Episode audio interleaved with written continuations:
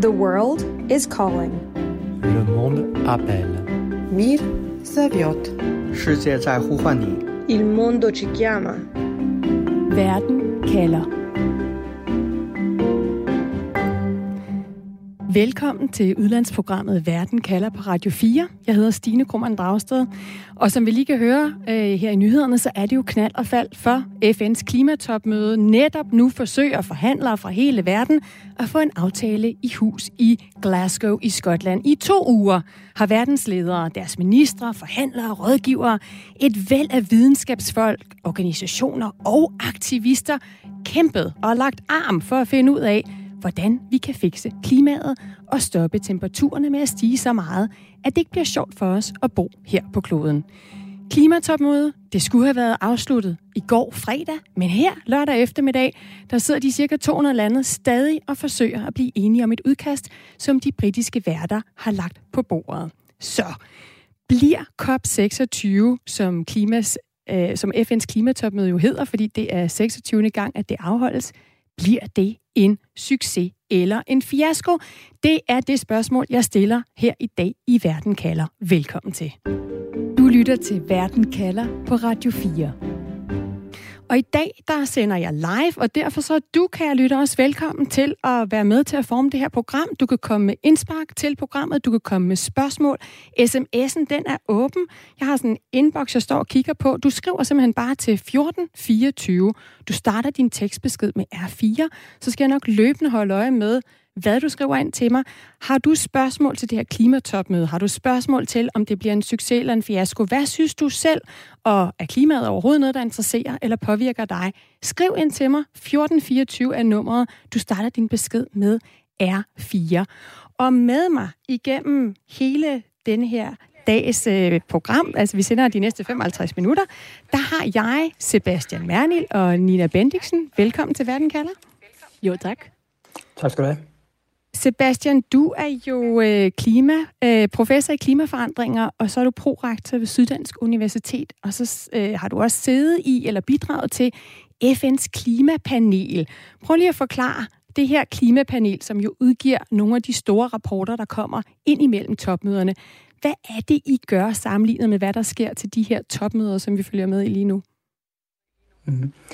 Jamen altså det vi gør, det er, at øh, vi får en politisk bestilling om, at vi skal øh, vurdere på klimavidenskaben, øh, finde ud af, hvad der er op og ned, øh, hvad er den nyeste viden, øh, og det sidder vi så med i, i lige godt øh, tre og et halvt år. Øhm, og det er sådan, at øh, hver eneste land øh, indspiller forskellige øh, klimaforskere, og så bliver man så af FN udpeget øh, til ligesom at, at gå ind i det her samarbejde. Øh.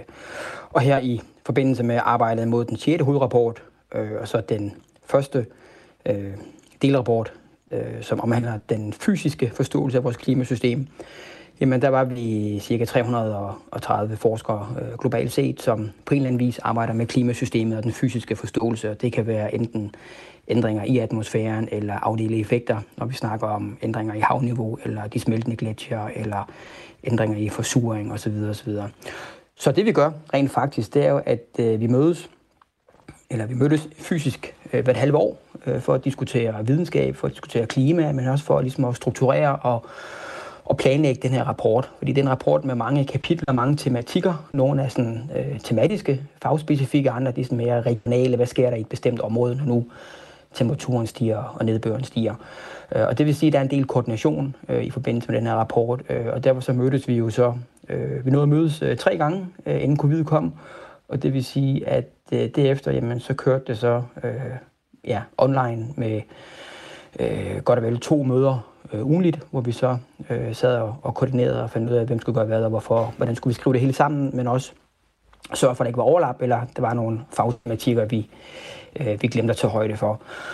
Og så går det jo sådan, når man så vurderer alt det her, vi får det skrevet sammen, jamen så bliver vores øh, udkast, det bliver så sendt ud i videnskabelig bedømmelse, og så bliver det så kritiseret af, af ligesindede videnskabsfolk, og så skriver man på det igen, og det sker så sådan to-tre gange, og så har man så et, et færdigt udkast, og det sender man så frem til øh, blandt andet til IPCC, FN's klimapanel, men også øh, i forbindelse med den sidste øh, godkendelse, jamen der mødes så de 196 lande, og så går de så igennem det, vi kalder Summary for Policymakers, som er konklusionerne fra den her 3.000 sider lange rapport, som man så trækker op i, et, i sådan en, en let, øh, let læselig og forklaret, forklaret måde omkring de her hovedkonklusioner, der En så ligger. læse-let version øh, for, for politikerne og, for, Ja, og forhandlerne. ja, det kan man godt sige. Ja. Ja. Sebastian, ja, lad os lige, øh, sådan, så alle kan forstå, ligesom, hvad det er, der er hovedkonklusionerne, og så er det ja. så den, der bliver godkendt i sidste ende, og det er så den, som COP26 bygger, bygger sit videnskabelige grundlag på. Okay, og lad os lige vende tilbage til, øh, hvad, hvad, det er for en et, øh, hvad det er for en konklusion, der kom der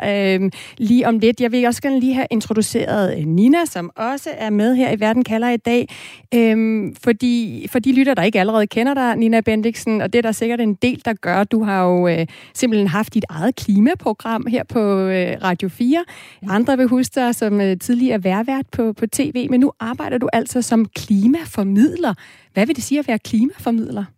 Ja, øh, det handler nok meget om, at jeg i virkeligheden skal tage det der slutprodukt, som øh, Sebastian snakkede om, og så prøve at få det bredt ud i, øh, i alle målgrupper, så øh, det bliver sådan nært og indtageligt, så vi rent faktisk ved, hvad det er, der bliver snakket om. Altså det gør de jo allerede i processen, som Sebastian forklarede, men, men at tage den derfra videre ud i folkeskolen, eller ud i virksomhederne, eller hvor det nu er, øh, det kan godt være en øh, udfordring i sig selv. Øh, som du sagde, så har jeg lavet øh, vejrudsigter, jeg har lavet øh, program. og en ting, som står meget klart, det er, at vi nogle gange, hvis vi gør det på en lidt for svær forståelig måde, så kan vi altså godt tabe nogle lyttere og seere på det. Så det er kompliceret stof, men det er også rigtig, rigtig spændende, så det, det er lidt det, formidlingen handler om, det er at gøre det nært og øh, brugbart for, for øh, målgruppen og modtageren i sidste ende.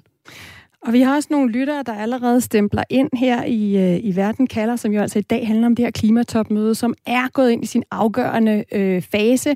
Øh, netop nu, altså her faktisk kl. 12 skulle øh, landene ligesom have mødtes igen øh, til den sådan afgørende samling om det udkast, der ligger. Det er det tredje udkast, men formanden øh, for COP26, øh, Alok Sharma, det er jo britterne, der er værtsland, han har simpelthen udsat det øh, til øh, 14.30 lokal tid, øh, og det er jo så britisk tid, så det er jo lige her om lidt øh, dansk tid, og har opfordret til, at nu det er det simpelthen nu, at det, der skal rykkes ved tingene fremad for alle.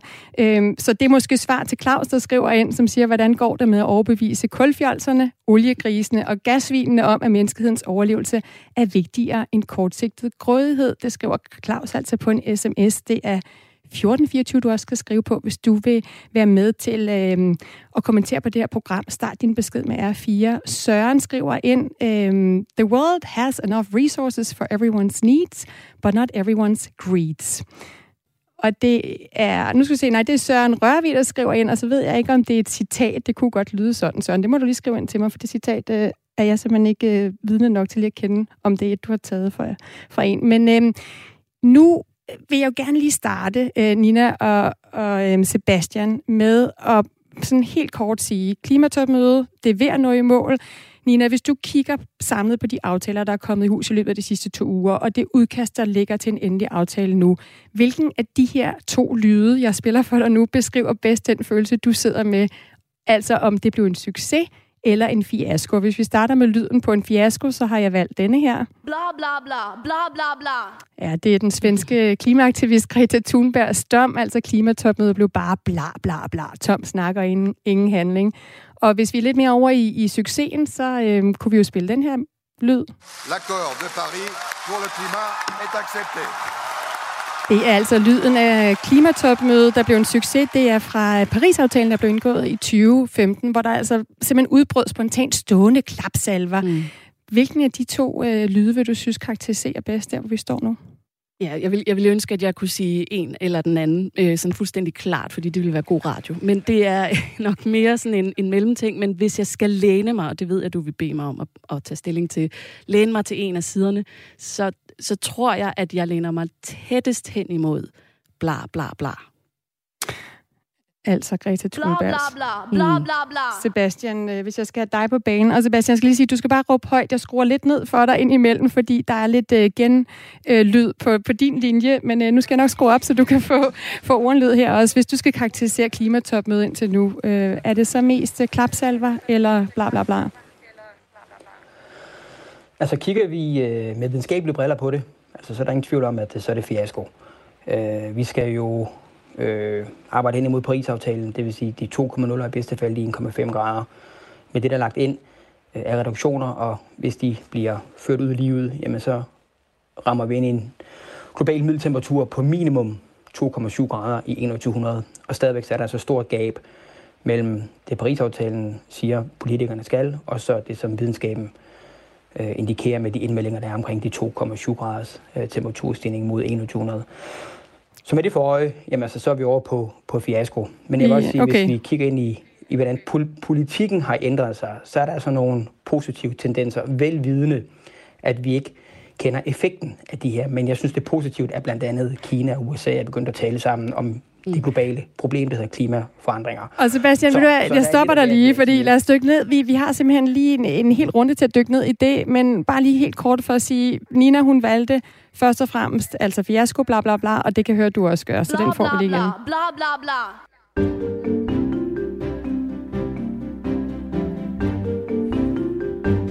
Okay, lad os dykke ned i det her med, om klimatopmødet bliver en fiasko eller en succes. Og for at svare på det spørgsmål, så afhænger det jo også, som Sebastian Mernil, altså klimaprofessor, og Nina Bendiksen lige var inde på, hvad er målet med sådan et klimatopmøde egentlig? Og hvis vi skal koge alle de her mange forhandlinger, der sker på klimatopmødet, helt ned, så kan vi groft sagt uh, sige, at vi kan ende med sådan tre forskellige mål for, om COP26, altså klimatopmødet i Glasgow, er en succes eller ej. For det første kom der en stor aftale i hus om at sænke vores udledning af drivhusgasser. For det andet kom der andre aftaler i hus, der kan bidrage til at fikse klimaet på andre måder. Og for det tredje kom der gyser på bordet, kom der penge til at gennemføre de her aftaler og til at hjælpe de hårdest ramte lande med at tilpasse sig de klimaforandringer, som de allerede mærker øh, mange steder rundt om i verden i øjeblikket. Og hvis vi starter øh, med det første mål, altså det her med, om der kommer en stor aftale på plads, og det er jo den, de sidder og forhandler om nu, så jeg ved godt, at vi kun har et udkast, men jeg vil, jeg vil i hvert fald godt lægge ud på bloggen og sige, at vi kan godt konkludere, at det udkast ikke bliver mere ambitiøst, men det kan måske blive udvandet, så vi kan i hvert fald tage udgangspunkt i, hvad der er nu. Altså aftalen om at sænke øh, drivhusgasser, øh, blandt andet CO2, den gas, vi udleder rigtig meget af, når vi brænder kul eller olie eller gas, som, vi, øh, som altså er med til at varme vores planet op. FN's generalsekretær, han sparkede det her topmøde i gang for to uger siden ved at give verdens ledere et ordentligt los i røven, netop med at udgive den her nye rapport med en besked om, der lød sådan her. The heat is on. And as the contents of the report show, the leadership we need is off and far off. We know that humanity's future depends on keeping global temperature increase to 1.5 degrees Celsius by 2030. And we also know that so far, parties to the Paris Agreement are utterly failing to keep this target within reach. Ja, altså hvis jeg skal oversætte direkte øh, til, til, til direkte dansk, hvad FN's generalsekretær Antonio Guterres her siger, så er det, kære verdensledere, I har ikke holdt jeres løfter for Paris-aftalen i 2015. Vi udleder alt for meget, og vi er langt fra de 1,5 graders temperaturstigning, som vi skal ned på, hvis det ikke skal ende katastrofalt. Sebastian Mernil, klimaprofessor, øhm, hvorfor mener du, at klimatopmødet, sådan som det ser ud nu, simpelthen ikke bliver den succes, som vi kunne have håbet på i forhold til at reducere drivhusgasser? Altså det vi ved, det er, at øh, hver eneste medlemsstat har jo meldt øh, reduktioner ind her forud for øh, COP26 i Glasgow. Og det vi kan se, det er, at med de indmeldinger, indmeldinger og hvis de bliver ført ud i livet, jamen, så vil vi altså lande på en, øh, en øh, global middeltemperaturstigning på minimum 2,7 grader. Går man ind og kigger på, på selve det, der er meldt ind øh, mod 2030, relaterer øh, udmeldingerne øh, tilbage til 2010, jamen så skal vi altså reducere 45 procent. Øh, men det, der er meldt ind, det indikerer det modsatte netop en stigning på 13 procent. Og det vil sige, at vi er altså meget, meget langt fra øh, det, der egentlig burde meldes ind. Og det vil sige, at det her gab mellem øh, det, vi bør gøre, og det, vi gør, øh, er egentlig kæmpe, kæmpe stort. Og derfor så er vi meget langt fra prisaftalens målsætning. Og det er jo et problem, fordi jo mere vi øh, ikke gør, altså jo mindre vi får reduceret, jamen, jo mere udleder vi jo af drivhusgas og CO2 til atmosfæren. Og vi ved fra vores arbejde i FN's klimapanel, at øh, det er den akkumulerede mængde af CO2, øh, der påvirker øh, den globale middeltemperatur. Der er sådan en meget, meget pæn lineær sammenhæng. Og det vil sige, at hvis vi ikke tager fat om det her problem så hurtigt som overhovedet muligt, jamen så vil vi øh, se en stigende øh, akkumulering, altså en stigende sum af CO2, øh, udledninger, og det vil sige, at vi vil se en, øh, en varmere klode fremadrettet. Øh, og det er selvfølgelig et kæmpe problem, og specielt når politikerne jo selv har sat øh, en målsætning, der hedder Paris-aftalen, og de 2,0 og den 1,5 graders øh, temperaturstigning. Så blot bare ved at kigge ind i, i de tal, jamen altså, der er vi meget, meget langt fra, at det her det går hen og bliver en succes. Mm. Nina Bendiksen, klimaformidler. Hvad på klimatopmødet, når du kigger på de forhandlinger og den måde, det bliver formidlet på, hvad får dig til at sige, at du også er over i det her med, at det i høj grad ikke bliver den succes, som vi kunne have håbet på? Man kan se på FN, skal man bare huske, det er ikke sådan en, øh, vi stemmer om det, og så tager vi bare den, den bedste løsning. Det er en konsensusaftale. Øh, aftale. altså man skal alle sammen være enige, og hvis man kan prøve at forestille sig at tage en klasse med knap 200 elever i, og du siger, hvem vil have klassens timekage, og hvem vil have guldrødskage, og så vil vi nok ikke opleve, at de alle sammen er enige. Så det man skal huske, det er, at det her, det, det kan kun blive en øh, aftale med alles underskrifter på, hvis vi er enige. Så det er klart, at der vil altid være nogen, der synes, at det der komma er sat forkert, eller at den her aftale, og nu snakker vi jo især om kul, og vi snakker om finansiering, og vi snakker om alt muligt. Og hvis du sidder og lever af kul, lad os sige, at aftalen ikke handlede om kul, men den handlede om øh, svineeksport, så vil Danmark have et meget større problem med at skrive under på sådan en aftale.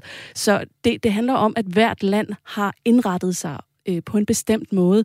Og når der er, der så begynder at, at ske noget i, i aftalerne øh, globalt, så, så er det klart, så er der nogen, der stejler og i hvert fald prøver at få en blødere aftale. Så det er derfor, at man lige nu har lidt svært ved at komme i mål med den der rigtig, rigtig ambitiøse aftale, som der skal til for at nå de der maks 1,5 graders temperaturstigning. Så det er rigtig, rigtig svært at blive enige sagde altså Nina Bendiksen. Lad os lige prøve at øhm, sætte den her på.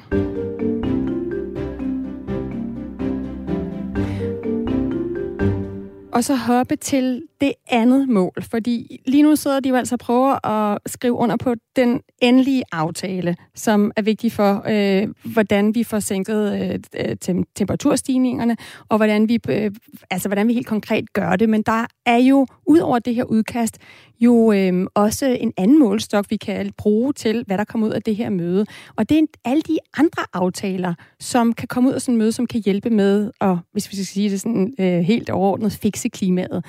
Og her øh, også øh, i Danmark, der har medierne jo de sidste uger været fyldt med omtale af alle de aftaler, der er blevet indgået på mødet. Rovdriften på klodens skove bliver stoppet inden 2030. Det lover en ny stor aftale, som er indgået på klimatopmødet i Skotland. Flere end 40 lande er blevet enige om at udfase deres brug af kulkraft og ikke bygge eller investere i nye kulkraftværker. Ja, altså aftaler om at stoppe med at fælde skove, stoppe med at bruge klimasønderen over med alle kul, og om at begrænse udledning af metan, en anden drivhusgas, der også øh, varmer kloden op, når vi udleder for meget af den. Nina Bendiksen, klimaformidler, det lyder jo rimelig godt. En masse succeser her, tre forskellige aftaler. Ja, absolut. Altså, det, det er, man skal slet ikke øh, vrisse af, at der rent faktisk er kommet nogle mindre øh, aftaler på bordet, som tilsammen kan gøre en kæmpe forskel. Man skal bare huske, at de er ikke implementeret endnu. Altså det her, det er igen bla bla bla, på papiret lige nu. Hvis de så alle sammen tager hjem til deres respektive lande og begynder at implementere det og sætte det i værk, så kan vi begynde at øh, se stående ovationer. Og så skal man desværre også bare lige have i mente, rent historisk, så har vi ikke bevist sådan den helt store øh, guldmedalje indtil videre, når det gælder for eksempel det der med afskovning. Fordi ja, vi ved det så gerne, og måske lykkes det denne gang, men vi har faktisk lavet præcis den aftale en gang før.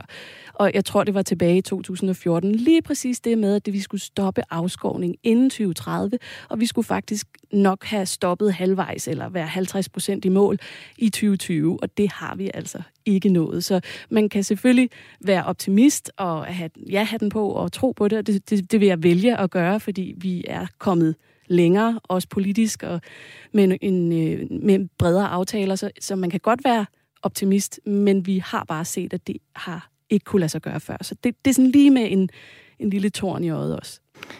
Sebastian Mernil, de her aftaler, der ligesom er kommet mm. drøbvis, øh, og som jo også er kommet i høj grad, fordi det, man har godt vidst, det vil blive svært at få den endelige aftale i hus, og der har været fokus på at prøve at nå de her aftaler. Vi kunne også tilføje, som du selv sagde i starten, den aftale, der kom mellem USA og Kina øh, her for et par dage siden, som også fik os alle sammen til at spære øjnene op, men som, og det kan jeg jo spørge dig om, vel egentlig ikke i sig selv indeholdt noget nyt. Altså, hvor langt kan de her aftaler hjælpe os med at komme i mål? Ja, det er et godt spørgsmål som det ser ud nu, jamen, så ved vi ikke, hvad de her aftaler de egentlig indeholder. Øh, vi kender ikke virkemidlerne, vi kender heller ikke øh, hvad kan man sige, målene detaljeret, og vi kender heller ikke effekten af dem. Øh, og vi kan have mange så gode aftaler, hvis ikke vi har gode implementeringsforhold. Øh, og det vil sige, at øh, det med, at de snakker sammen om, omkring de her aftaler omkring metan og skovrydning, øh, kul osv. osv. Altså det vi skal nu her, og jeg mener altid, at øh, der hvor det store stykke arbejde, det skal, det skal ske, det er ikke på koppen, det er indimellem de her kopmøder, fordi nu er det jo, og som Nina siger, nu skal man jo til hjem, så skal man diskutere det her, man skal vedtage det, man skal have tingene implementeret, og så skal vi se en effekt af det. Og det vil sige, der går altså en overrække, hvor vi ikke ved, om de aftaler, om de bliver en succes, eller det bliver en fiasko. Og ganske rigtigt, som Lina også sagde, jamen, så lavede man en tilsvarende skovaftale tilbage i, i 2014, som ikke rigtig har haft nogen effekt.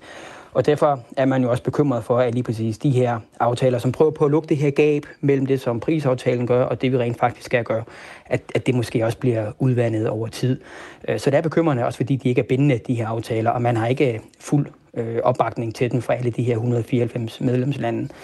Så, så man kan sige, bottom line, jamen, så, er det, så står de her aftaler egentlig ganske svagt, øh, som jeg ser det. Øh, men omvendt så er det også bedre, at man har diskuteret ting, når man gerne vil noget, øh, end hvis man ikke har gjort det. Men det interessante bliver jo altså ligesom at se, jamen, hvor meget bringer de her til bordet, de her aftaler, fordi vi skal have reduceret, og vi sagde jo også i FN's klimapanel, at altså, det er utvetydigt, at det er også mennesker, som påvirker eller opvarmer klimasystemet, og det vil sige, at vi bliver nødt til at have nogle virkemidler, som reducerer både brugen af CO2 og metan, men også det, vi øger både fangst og læring af de her, de her drivhusgasser. For ellers så render vi altså ud i en verden, der er betydeligt varmere øh, i de kommende årtier, og det tror jeg, det tror jeg bestemt ikke, at der er nogen, der vil, øh, vil være særlig glade for. Også fordi, at vi jo i FN's klimapanel sagde, at hver eneste gang, at, eller vurderede, at hver eneste gang den globale middeltemperatur stiger bare en halv grad, jamen så render vi altså ud og ser øh, altså regionale, markant varmere forhold. Vi ser mere nedbør, og vi ser altså flere ekstremer, både i selvfølgelig både frekvens, men vi ser også mere intense, og det vil sige, at vi vil altså i årtierne, der kommer, stå i et andet klima, end det vi egentlig har gjort i de sidste mange årtier. Mm. Øhm, et lille lyspunkt, trods alt med de her aftaler, hører jeg dig sige, men alt for ukonkret øh, til, at vi ved, hvor, hvor langt vi kan nå, og en udfordring i forhold til, hvordan man egentlig måler, om de så overhovedet bliver, bliver ført ud i livet. Øhm, lad os lige kigge på det sidste mål. Altså, vi har det første mål, den store bindende aftale, det er det, de sidder og, og forhandler lægger arm om, sveder over lige nu. Så har vi nogle løbende aftaler, der er kommet i løbet af de sidste to uger, og så det sidste mål, penge. Altså, øhm, om der kommer penge i form af klimabistand. Løftet fra de rige lande, øh, som vi gav øh, helt tilbage, da vi havde øh, klimatopmøde i, i København, om at ville hjælpe med 100 milliarder dollars ordentligt til de fattige lande, som allerede er hårdt ramt af klimaforandringer. I sidste uge her i Verden kalder, der så vi på en af grundene til, at politikere tøver øh, med at, at komme med de her aftaler, altså gå fra ord til handling, når det gælder øh, klimaproblemer, fordi der jo er jobs, der er livsgrundlag, der skal ofres, hvis man skal handle. Tager vi bare kulminindustrien, så giver den altså lige nu tag over hovedet og brød på bordet til cirka 7 millioner mennesker verden over i blandt andet Indien, i Polen, i Bangladesh, i USA og Australien og mange andre steder, og blandt andet også Kina. Altså mennesker, som skal omskoles, som skal hjælpes, hvis, hvis vi skal udfase kul, en af de store knaster, som de lige nu sidder og forhandler om nu, hvor klimatopmødet er gået i overtid. Og det koster selvfølgelig at øh, omskole og hjælpe de her mennesker, der skal finde noget andet at lave. Og så er der også andre, som allerede er blevet offret. Dem, der lige nu mister deres livsgrundlag, fordi vi ikke er lykkedes med at fikse klimaet ved for eksempel at udfase kul. The UN right now is sounding the alarm that southern Madagascar is on the brink of the first climate change famine. Usually there's war, conflict, terror driving it, but this is climate. We see it in the faces of the children, their hollow eyes, their silence. There is no joy here. Der er ingen glæde her, lyder det i programmet Good Morning America, øh, hvor jeg har øh, tyvstjålet det her klip fra. Altså det er korrespondenten David Moore, der er taget ud for at kigge på, hvordan livet er for mennesker i det sydlige Madagaskar, som er blevet påvirket af klimaforandringer. Det har ikke regnet i fire år i det sydlige Madagaskar, og lige nu er der en million, der sulter, alene på grund af, at det ikke regner. Ikke fordi der er konflikt, ikke fordi der er andre problemer. Nina Bendiksen, ser det her klimatopmøde i Glasgow ud til at blive en succes eller fiasko i forhold til at få os rige lande til at hoste op med, med de gyser, vi lovede tilbage i København? Altså, hvis du spørger de såkaldt altså fattige lande, øh, udviklingslandene, så vil de nok sige, at det er en kæmpe fiasko, fordi der er en aftale tilbage fra øh, COP15 øh, i København i 2009, hvor at vi blev enige om, at vi skulle betale de her, som du selv nævnte, 100 milliarder dollars fra år 2020 hvert år til de her udviklingslande. Og det har vi jo, altså det er vi jo ikke begyndt på. Øh, vi er næsten i mål. Jeg tror, vi er lidt over 90 procent i mål med de der 100 milliarder, men vi er altså ikke begyndt at betale dem endnu. Øh, og der snakker man om, at vi, vi skal frem til 22, eller måske endda først 23 øh, før at man begynder at betale det her. Og så er der jo altså nogle år, hvor det er glippet, så der mener udviklingslandene selvfølgelig, at der skal en ekstra spand penge i.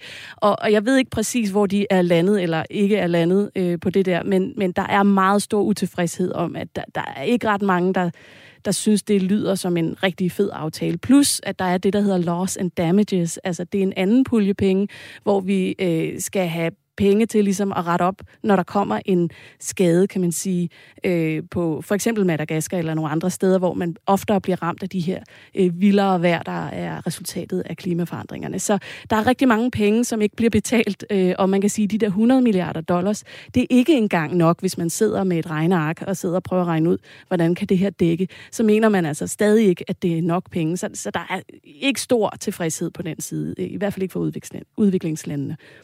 Sebastian Mernil, øh, klimaforsker. Du siger, det er omkring 80 milliarder, som jeg hørte dig, da vi talte lige før udsendelsen, øh, i øh, dollars om året, vi, vi er nået på lige nu i stedet for 100. Det er jo stadig mange penge. Er det ikke, er det ikke godt nok trods alt at starte der? Altså man kan selvfølgelig sige, at lidt er bedre end ingenting, men det vi skal, det vi skal huske på, det er jo, at, og som vi også fremlagde i FN's klimapanel, det er jo, at vi vil se virkelig store regionale øh, forandringer i klimasystemet, både når det kommer til varme, øh, ja, mere varme og et vådere vejr, men også øh, flere ekstremer. Og der er sådan nogle regioner her på kloden, der vil blive rigtig, rigtig hårdt ramt. Vi skal tænke på 100 milliarder dollars. Det svarer cirka til en tredjedel af det danske BNP. Og det vil sige, set i det perspektiv, altså, så er det ikke særlig mange penge, vi har at gøre godt med, eller de har at gøre godt med. Øh, og vi må forvente, at øh, de her klimaskader, som vi vil se fremadrettet, at de bliver meget, meget omfattende og også meget, meget dyre. Og blot et eksempel. Jeg tror, de fleste godt kan huske de her oversvømmelser, vi havde i Tyskland, Holland, Belgien den her sommer. Øh, de var estimeret, øh, skadesomfanget var estimeret til, til knap og nap 200 milliarder øh, danske kroner.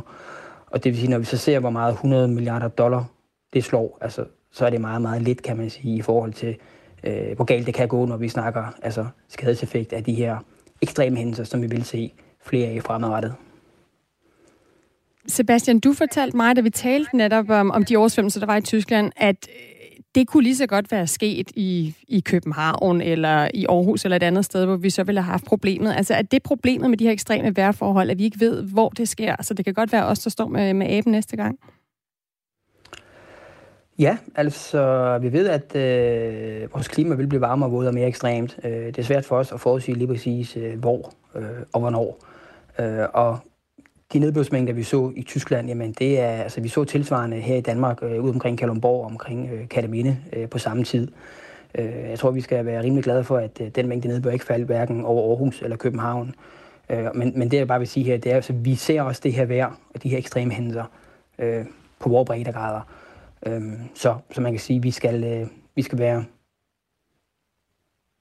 vi skal være opmærksom på, at vi faktisk har de rigtige redskaber, men også at vi allokerer de midler, der skal til for at man øh, kan på en måde arbejde hen imod, og, eller beskytte sig, kan man sige, eller foranstalte nogle, øh, nogle afværgeforanstaltninger for netop at undgå, at man bliver hårdt ramt af de her ekstreme hændelser.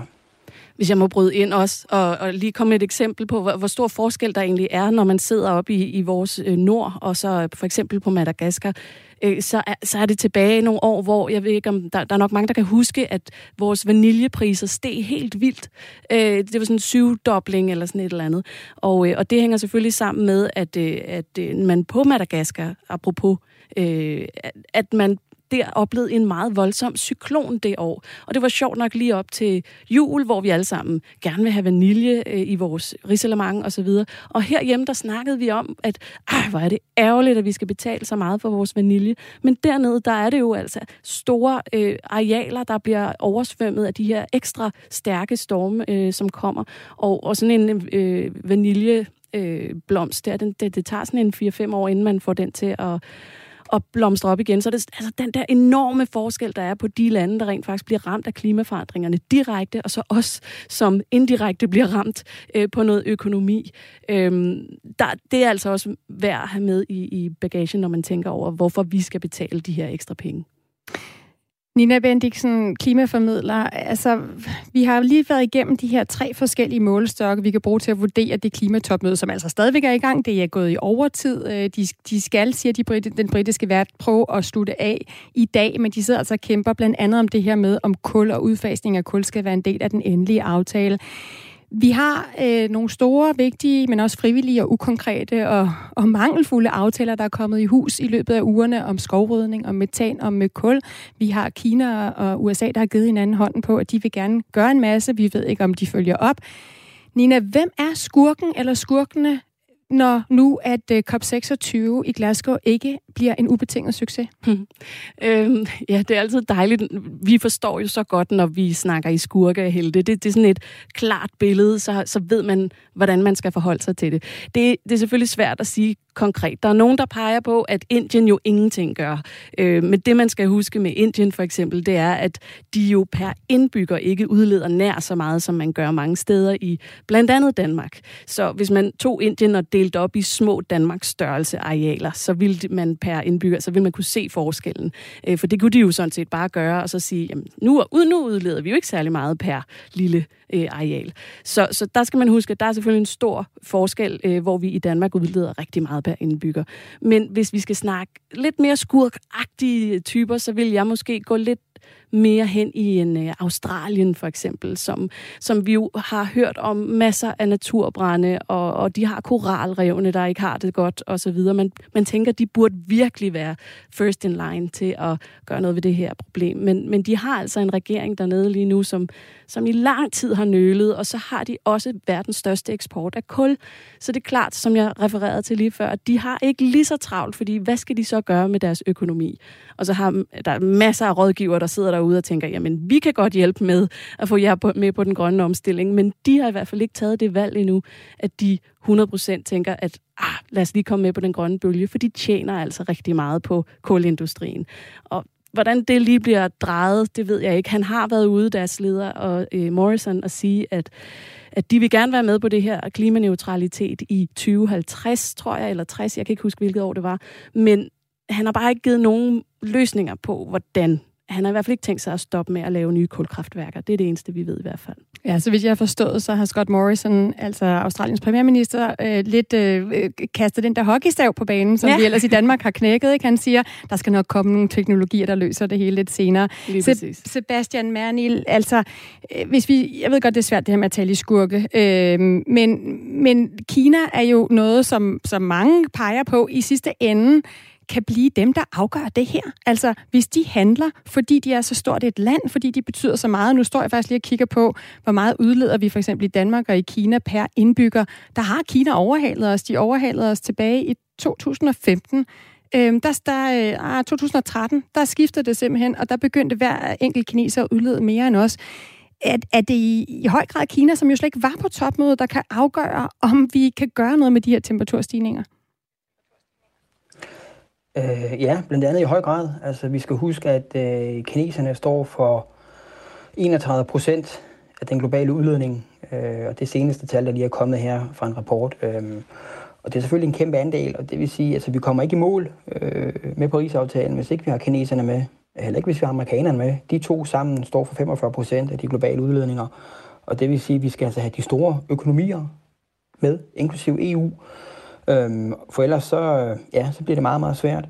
Øh, og derfor kan man jo godt øh, glæde sig lidt over, at øh, USA og Kina de begynder at snakke sammen, at de i hvert fald begge kan se, at øh, der er det her gab mellem det, vi gør og det, vi burde gøre, men også det, at de begge nu er ramt af klimaforandringerne. De bruger det som en, som en springbræt for ligesom at have en dialog hen imod, at, øh, at noget skal gøres, fordi vi kan ikke blive ved, som tingene øh, er lige nu. Vi har over tid set en stigende udledning af CO2 til atmosfæren, hvor 2019 og nu også 2021, at, at de to øh, år, hvor der faktisk er udledt allermest CO2 til atmosfæren. Og derfor så bør de store økonomier jo også tage fat og tage et medansvar lige præcis i, i den fremtidige udvikling øh, af klodens middeltemperatur. Du lytter til Verden kalder på Radio 4. Jeg hedder Stine Krohmann Dragsted, og i dag her i Verden kalder på Radio 4, der gør vi altså status over klimatopmødet i Glasgow, som skulle være afsluttet i går fredag, men altså er trukket ud og netop nu er i sin sidste afgørende fase.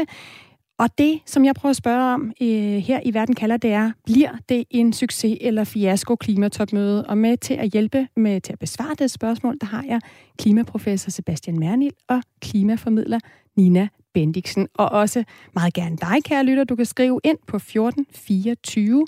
Start din sms med R4, så holder jeg øje med, med, inboxen, med inboxen her. Christian, skal vi se, jeg har skrevet ind. Jeg mener, at den største klimatrussel er overbefolkning af kloden. Hvilke tiltag kan gøres i den retning blandt verdens nationer? Og tager jeg helt fejl? Den kan vi måske lige sparke ind, øh, Sebastian Mernil. Er det noget, øh, du kan svare på, øh, når I sidder og laver de her rapporter? Hvor meget betyder overbefolkning? Jamen altså, altså stigende befolkningsantal betyder noget. Øh, det gør stigende velstand også, og det gør længere levealder også. Altså der er ligesom tre elementer her, som er med til at gøre det til en øh, rimelig kompleks klimakoktail. klimacocktail. Øhm, og derfor er det ikke uden betydning øh, antallet af personer her på kloden. Vi ved også, at øh, jo rigere vi bliver, jo mere efterspørger vi. Øh, jo flere folk vi trækker ud af, ud af fattigdom, jamen jo, øh, jo, jo, jo, jo, jo rigere bliver de, jo flere forbrugsgoder øh, ja, efterspørger de, jo mere skal tingene transporteres øh, kloden rundt. Og så har videnskaben jo også gjort det. Heldigvis er vi blevet, øh, vi lever længere øh, i gennemsnit øh, i dag, end vi gjorde for øh, nogle årtier siden. Ikke? Også, ikke? Og lige præcis de her tre elementer gør jo, at, øh, at det er meget, meget svært øh, i hvert fald at gå ind og pille ved de her øh, tre grundlæggende øh, ting. Ikke? Også, ikke? Og hvad, kan man så, hvad er det så, vi skal, kan man sige? Ikke? Altså, så handler det vel om, at vi skal, vi skal kigge ind i vores adfærd, vi skal kigge ind i, i, øh, i teknologiudvikling, øh, både den, vi har i dag, som vi skal have implementeret i et, øh, et langt større, øh, en langt større skala og en langt større hastighed, men også det, at vi skal naturligvis også forske øh, udvikle nye teknologier fremadrettet. Øhm, så ja, det er en udfordring øh, bottom line, når vi kigger på befolkningsudvikling. Øhm, men jeg håber, at, øh, at teknologien og adfærd og øh, implementeringen af den teknologi, vi har i dag, at den kan være med til at på en måde hvad kan man sige, nivellere det her ud over tid. Men, men det er en, den markant udfordring, vi står overfor. Så er det, jeg hører dig sige, øh, Sebastian Mernlil, er, at det, det går jo nok på en eller anden måde, selvom vi ikke nåede helt i mål med klimatopmødet her i Glasgow. Der er lang tid til, at det går helt galt, og vi mødes bare næste år til COP27, øh, og så bliver vi enige der. Jeg ved ikke, om der er lang tid til, det går helt galt. Altså, de, de områder, der bliver ramt af ekstremt nedbør, oversvømmelse og, og, og, og dødsfald øh, i kølvandet på det, Øh, det er selvfølgelig be- beklageligt, så vi står altså også her nu øh, med nogle klimaekstremer, som er, som er ret så markante og ret så voldsomme. Øh, så jeg tror ikke, vi skal, øh, vi skal ikke, vi skal ikke vente øh, meget længere, og derfor er det også uheldigt, at, øh, at teksten, teksten, som den ligger i dag fra Glasgow, at den ikke er mere specifik ikke, og mere konkret på nogle af de her meget, meget vigtige elementer, fordi som jeg har sagt tidligere, fordi det vi skal, det er, at vi skal, vi skal pine død have reduceret, vi skal i større omfang både øh, fange og lære øh, drivhusgasser, fordi ellers så er der ingen vej udenom, så vil vi altså rende ind i et varmere klima, ikke? og det tror jeg ikke er behageligt for, for dem, der får øh, ekstreme hændelser kastet i hovedet. Nina Bendiksen, klimaformidler. Hvad er det for nogle reelle uenigheder, vi har kunne se landene imellem under det her klimatopmøde, som, som du kan pege på for at prøve at forstå, hvorfor det er så svært for klimatopmødet at gå fra, fra ord til handling? Det, det handler blandt andet om noget så usekset som noget, der hedder artikel 6, øh, hvor man øh, har snakket meget om øh, siden, tror jeg, Paris-aftalen, at man gerne vil have en eller anden form for handel med CO2. Og, øh, og det, det er jo meget fint, hvis man kunne det. Altså, jeg kan sidde i Danmark og tænke, ej, det bliver, det bliver sgu lidt dyrt for mig, hvis jeg skal lukke Aalborg Portland eller et eller andet øh, stort øh, øh, indkomst godt for Danmark. Ej, det var ikke lige det gode ord, men altså, øh, det vil være dyrt for Danmark med, med at lukke nogle ting ned, så kan det være, at jeg i stedet for kunne købe nogle kreditter af nogle andre lande, som er noget i mål, og som har masser af skov, og de bliver ved med at bare hive mere CO2 ud af atmosfæren. Så på den måde kunne man jo godt lave nogle, øh, nogle handler øh, over landegrænser. Men problemet er bare, at hvis nu vi i Danmark øh, køber en kredit af Brasilien, som øh, har lavet noget skov øh, blive øh, stående og har fået noget mere skov, øh, lad os håbe det, så, øh, så hvem skal så tælle de her kreditter med? Det vil vi jo selvfølgelig gøre i Danmark, fordi nu har vi sparet ned, øh, klimaet for noget CO2, men det vil Brasilien vel også egentlig ønske at gøre. Og så er der noget, man kalder double counting, og det er man lidt uenig om, om man må eller ikke må. Og så er der nogle gamle kreditter tilbage fra Kyoto-aftalen, som er en aftale, der var før vi fik Paris-aftalen, som især nogle af de lande, der havde nogle kreditter derfra, de vil gerne have dem med over. Og det, det hjælper jo ikke klimaet, at man tager nogle gamle kreditter. og Så der er rigtig mange ting, man ikke kan finde ud af og blive enige om. Og det handler jo altid om, at vi skal gå på kompromis. Men hvem går mest på kompromis. Der, der er man altså virkelig langt fra hinanden endnu. Men det kan blive en rigtig stor hjælp til at komme tættere på målet, hvis vi har den her handel. Fordi så kan det være, at der er nogen, der kommer lidt hurtigere i gang øh, med at få, øh, få øh, reduceret. Inden øh, det her program, så talte jeg med Teresa Scavenius. Hun øh, forsker ligesom dig, Sebastian Mernil, i klima, men fra et samfundsvidenskabeligt perspektiv, altså hvordan klima og demokrati øh, spiller sammen. Og hun konkluderede allerede inden klimatopmødet var færdig, at det blev en fiasko. Hun siger, at øh, siden at man har opgivet at lave bindende aftaler på klimatopmødet, så har hun mistet tiltroen øh, til det her klimatopmøde. Og derfor så har hun simpelthen droppet, at hun er blevet så frustreret, øh, at hun har droppet sin øh, forskerhat, på, øh, i hvert fald øh, på noget af tiden, og så har hun taget sin aktivisthat på, øh, og, og hun fortalte mig, jamen altså, for ikke at ende som en deprimeret og desillusioneret forsker, så er jeg gået ind i politik. Jeg har stiftet et nyt parti, det hedder Momentum, og det stiller sig blandt andet op til kommunalvalget her i, i, i København på tirsdag. Jeg bad Teresa Skevinius om at, at prøve at tage den her politiker-aktivist-hat på, og så spørge, hvorfor det at skifte et nyt klimaparti kan gøre en forskel, hvis hun har mistet tiltroen til klimatopmødet. Det, der jo er vigtigt at vide, det er, at vi kan faktisk godt gøre rigtig mange ting i København og i Danmark. Og det er det, jeg gerne vil give den information til borgerne, at de i hvert fald skal vide, at det ikke passer, når de eksisterende politikere siger, at det er svært og dyrt. Det er løgn. Øh, om det så rykker noget globalt set, det er jo så øh, fuldstændig umuligt at sige, men jeg synes, at corona, trods de problemer, der var med det, øh, gav en vis form for optimisme, fordi der viste sig faktisk, at der kunne man med kort tid faktisk lave lidt en ketchup-effekt, hvor alle lige pludselig forstod den her, fik den her krisebevidsthed. Og der var vi faktisk i Danmark nogle af de første, som fik skruet op for krisebevidstheden. Og der var der rigtig mange lande, der kiggede til os og sagde, okay, hvad gør de i Danmark, når de laver et lockdown? Om det gør vi så også.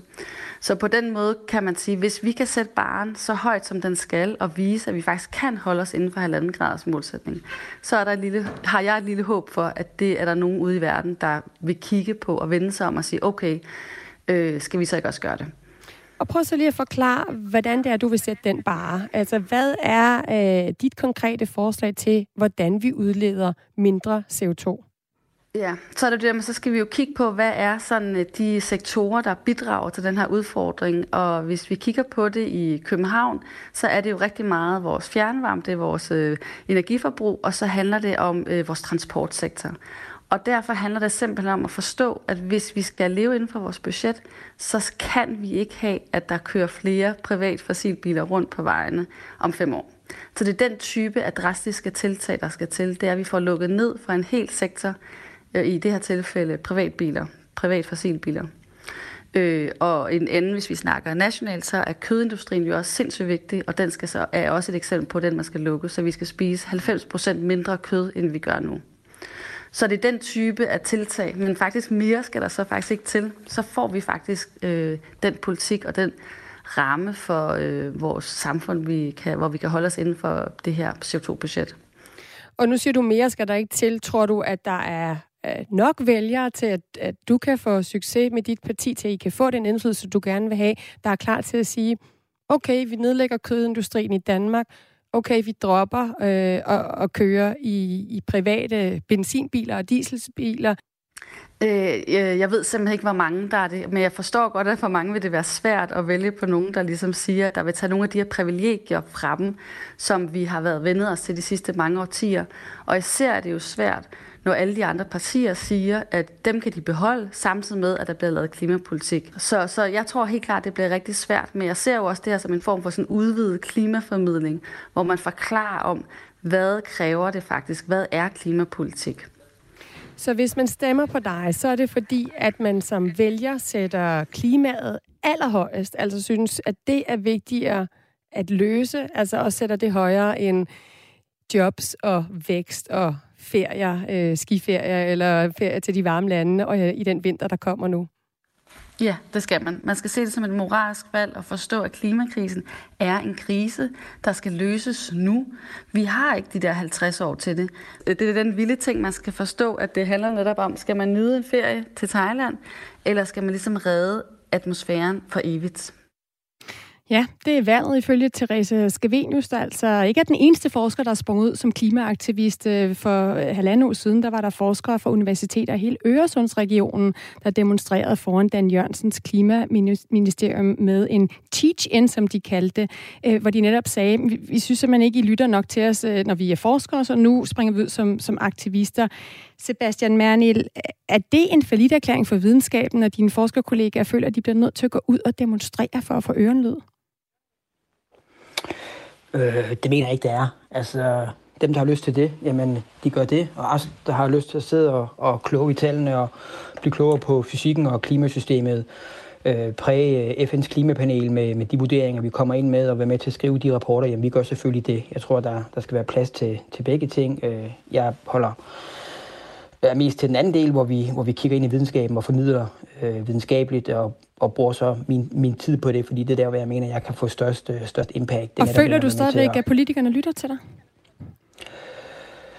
Ja, det er et godt spørgsmål. Altså, vi har jo øh, formidlet øh, over mange årtier øh, den første IPCC-rapport, der kom fra FN's klimapanel i 90, øh, sammenlignet med den, vi, vi kom ud med nu her øh, i august.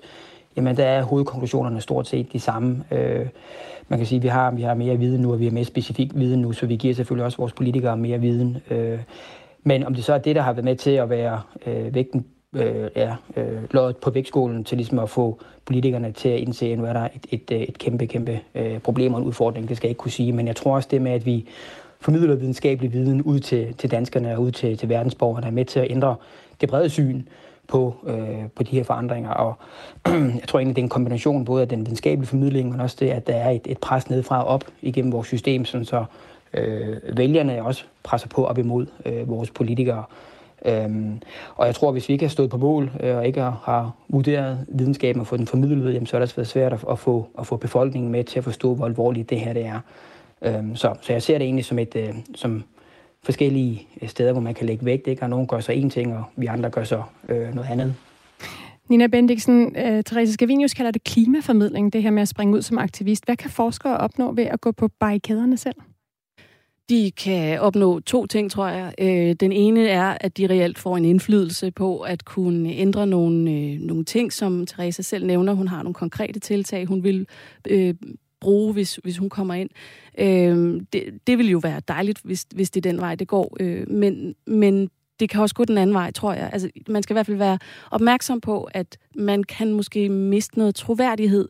Øh, jeg synes jo, der ligger enormt meget troværdighed i at have øh, forsket og, og, og, og været så meget øh, ned i materien. Men, men lige så snart du går ud og og tager stilling på den måde, så er der, vil der være nogen, der hopper fra og tænker, nej, det vil vi ikke være med på. Men, men øh, altså, det, det er jo et, et valg, som Sebastian siger. Man, man tager et valg, når man gør det der. Øh, men det vil være meget svært for, for øh, Teresa og andre, der gør det, at gå tilbage og så sige, nu er jeg forsker, og nu skal I stole på alle de tal, jeg har. Fordi at, at lige så snart, at du har en, en politisk holdning, så, så er det svært. Øh, så, så splittes du mellem øh, befolkningen. Så det, det tror jeg i hvert fald er et, øh, et valg, man skal tage og så stå ved det.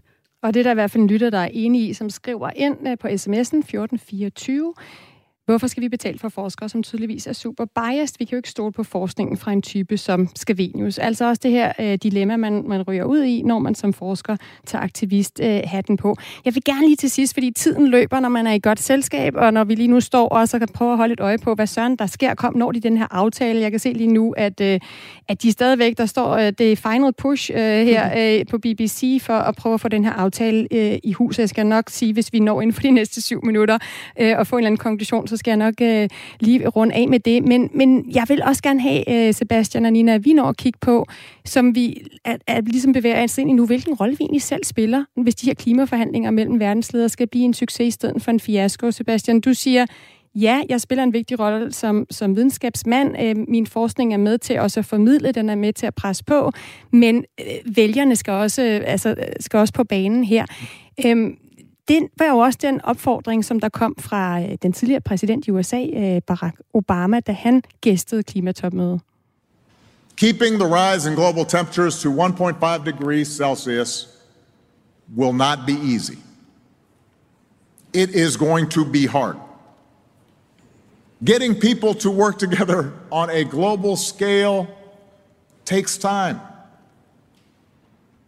And right now, that's time we don't have. Vi har ikke den tid, der skal til for at få folk til at øh, arbejde sammen. Og bagefter, da Obama så mødtes med aktivister uden for klimakonferencen, så lød opfordringen fra ham til dem, I skal blive ved med at være vrede. Jeg vil have, I fortsætter med at være frustreret og blive ved med at skubbe på for mere og mere handling, for det er jeres pres, der er nødvendigt for, at vi kommer i mål. Hvad siger du til det budskab, øh, Sebastian Mernil? Altså, det er også almindelige mennesker, der også skal blive ved med at lade vores stemme høre, når vi sætter et kryds, når vi demonstrerer, for at for eksempel din videnskab øh, kan tale med helt tydelige, øh, til sit helt tydelige sprog?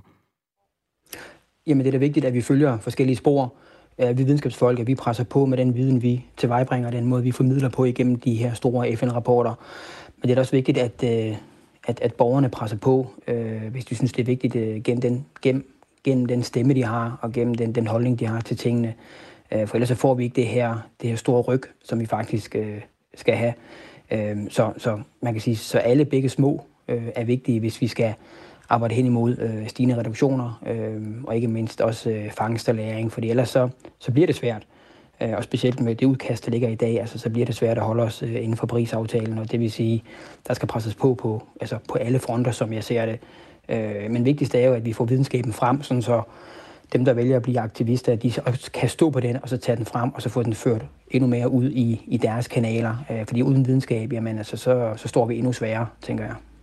Nina Bendiksen, klimaformidler. Det kan godt være, at øh, vi kan blive enige om her i løbet af de sidste 55 minutter af klimatopmødet, ikke kommer helt i mål i forhold til konkret handling, som Sebastian Mernel også lige siger. Der, der kommer ikke til at ske nok, men konferencen har jo ikke manglet øh, klimaadvarsler og skræmmebilleder. Er det vejen frem? Altså er det en succes i sig selv for, for os vælgere op på dupperne, når vi i to, år, to uger bliver tudet ørerne fulde af, hvad der sker, hvis, hvis vi ikke handler? Jeg tror aldrig på, at man skal øh, øh, kun kommunikere det her i skræmmebilleder. Det, det er rent menneskeligt umuligt at kapere ren øh, dårligdom og, og dommedag. Så, så selvfølgelig skal vi have sandheden og viden, vi skal have fakta osv., men man skal også indimellem proppe de her gode historier ind. Jeg tror, det er meget, meget vigtigt, at vi husker at kigge på, at øh, John Kerry har mødtes med øh, Klimas øh, særlige udsending øh, om, og, og nu prøver vi at finde en aftale. Det kan godt være, at vi ikke har øh, en, øh, et resultat citat fra dem, de, men de snakker sammen. Og det der med, at mennesker mødes og ser hinanden i øjnene, mærker en kemi, mærker, at de øh, også er mennesker, dem vi snakker med, og ikke bare sidder over Teams og Zoom og, og, og deslige at vi rent faktisk øh, kan finde ud af noget sammen som mennesker. Det tror jeg er meget, meget vigtigt, at vi også husker på, at det ikke kun er tal på papir, og vi sidder med et Excel-ark. Øhm, og derfor så kan jeg godt holde en optimisme øh, igennem alt det her, selvom at det kan være svært en gang imellem, fordi det bliver meget hurtigt tørt og hårdt. Men når mennesker mødes, og når øh, folket går på gaden og, og mærker hinanden og, og råber op, jamen, så er det jo ikke rent dårligdom, så er det jo fordi, vi er fælles om noget. Er der noget, vi er gode til, og når vi skal ændre noget i verden, så er det, når, så er det sket, når vi har været fælles om det. Så derfor så har han fuldstændig ret, mener jeg, at, at man skal blive ved. Sebastian Merli, helt kort til sidst. Øh, hvis du også gerne vil bevare optimismen, hvad vil du så opfordre øh, alle os andre til at gå hjem og gøre, i stedet for at trøste os med at spise den der røde bøf, eller tage en flyrejse til Spanien sol for at glemme, hvor, hvor grælt det står til med klimaet? Altså, jeg synes, man skal leve sit liv med omtanke. Jeg skal ikke være den, der løfter pegefingeren, men jeg synes, man skal overveje de valg, øh, man gør. Øh, hvorvidt det er røde bøffer, eller en flytur, eller det er, hvor meget energi og hvor meget strøm vi bruger. Øh, det tror jeg er det vigtigste, fordi vi kan alle sammen være med til at, at skubbe på den her udvikling. Øh, og selv de små dråber har også en, en effekt, og det vil sige, selvom vi er et lille land, eller selvom vi gør noget som enkeltpersoner, jamen, så har det også en berettigelse hen imod de store forandringer. Så det er vigtigt, tror jeg, at vi at vi, at vi lever vores liv øh, med omtanke. Øh, det vil være mit budskab herfra. Så lød det altså fra klimaprofessor Sebastian Mernil. Og hvis jeg lige skal samle op på, hvor vi er nået nu, hvor klimatopmødet i Glasgow, det 26. af slagsen, stadigvæk er i sin afsluttende fase, så er den gode nyhed altså, at øh, vi alle sammen stadig er enige om, hvad der skal gøres. Vi skal undgå en temperaturstigning på mere end 1,5 grader, så vi kan undgå oversvømmelser, tørke og skovbrænde. Den dårlige nyhed er, at vi ikke har gjort, som vi lovede, og vi stadigvæk ikke har forpligtet os på, hvordan vi når i mål. Og så er der sat et stort fedt spørgsmålstegn ved, om klimatopmøderne fungerer som de bedste redskaber til at få os til at gå fra, fra ord, eller bla bla bla, som Greta Thunberg siger, til handling. Og, øh, og som Sebastian og øh, Nina Bendiksen, klimaformidler, også lige understreget, altså i hvor høj grad det også er op til os selv at ændre vores adfærd, hvis vi og de politikere, vi vælger, skal reelt skal fikse de klimaproblemer, vi står med. Det var alt, hvad vi nåede i den her udgave af Verden kalder. Nina Bendiksen, Sebastian Mernil, tusind tak for at være med. Selv tak. Husk, at du kan komme med kommentarer eller idéer øh, til spørgsmål, som du synes kalder på svar. Øh, ring og læg en besked på 50 70 44 94.